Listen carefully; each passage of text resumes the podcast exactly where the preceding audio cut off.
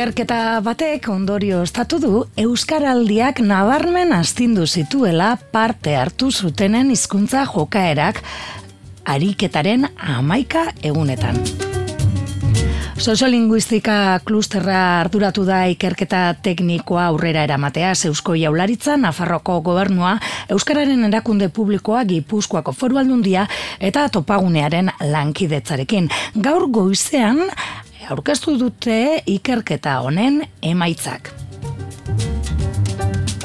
Esan bezala Euskaraldiaren lehen edizioak nabarmen astindu zituen bertan parte hartu zutenen hizkuntza jokaerak ariketak e, amaika egun iraun zuen bitartean. Hiru hilabete beranduago aldaketa horiei proportzio altuan eutxi egin zitzaien. Hori da Euskaraldia amaika egun Euskara ze, e, asterketa atera duen ondorio nagusietako bat. Soziolinguistika klusterrak egin duen ikerketa baten arabera. Ar, azterlan burutzeko eusko jaularitza esan bezala, Nafarroko gobernua, Euskararen erakundea eta e, Gipuzkoako foru aldundia eta Euskara e, Euskaltzalen topaguenekin batera egin dute gaur aurkeztu dituzte emaitzak. Esan bezala, Euskara aldia lehenengo emaitzen azterketa lanaren aurkezpena egin dute gaur. Eta bertan, ba, bingen supiriak honen helburua ere nabarmendu du. Helburua izan zen eta izango da urrengo dizioetan eragitea. Eta ikerketari esker neurtu ahal izango dugu zein neurretan izan den eraginkorra. Milaka herritarren hizkuntza praktikak aztertu dira lan honetan. Eta esan dezakegu, Euskaraldiaren lehen edizioaren eragin praktikoen gaineko radiografia bat dakarkigula gaur aurkeztuko dugun txostenak. Orain, Euskaraldiaren bigarren edizioa ateioka daukagu, datorren urtean, azaroan, izango da eta. Eta uste dugu lan hauek, lan honek ekarri dituen emaitza hauek informazio baliagarria eskaintzen digutela Euskara sustatzeko molde berri honen eraginkortasunaz eta dauzkan mugaz. Ikerketaren ezaugarriak ikerketa proiektuaren baitan bi ikerlerro egin dituzte edo jorratu dituzte. Kualitatiboa eta kuantitatiboa.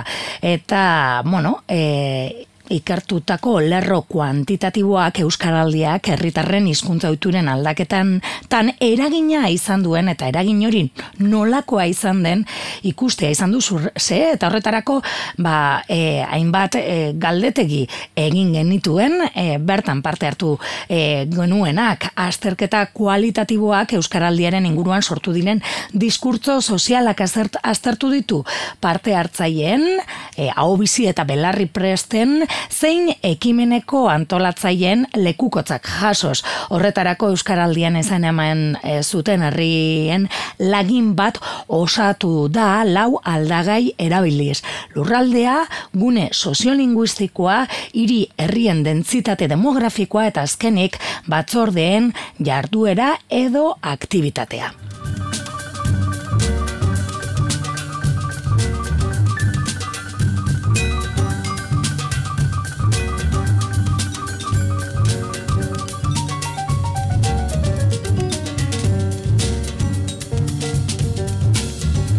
Entzun dugunez, bingen supiriak aipatu duenez, ba, izango da e, datorren urtean urrengo euskaraldia. Eta lehenengo ere, lehenengoaren ba, e, azterketa hori ere irakurtzeko eta partekatzeko momentua da soziolinguistika.eus barra euskaraldia aztergai atelea, aztergaia atalean eskuragarri dago osorik irakurtzeko.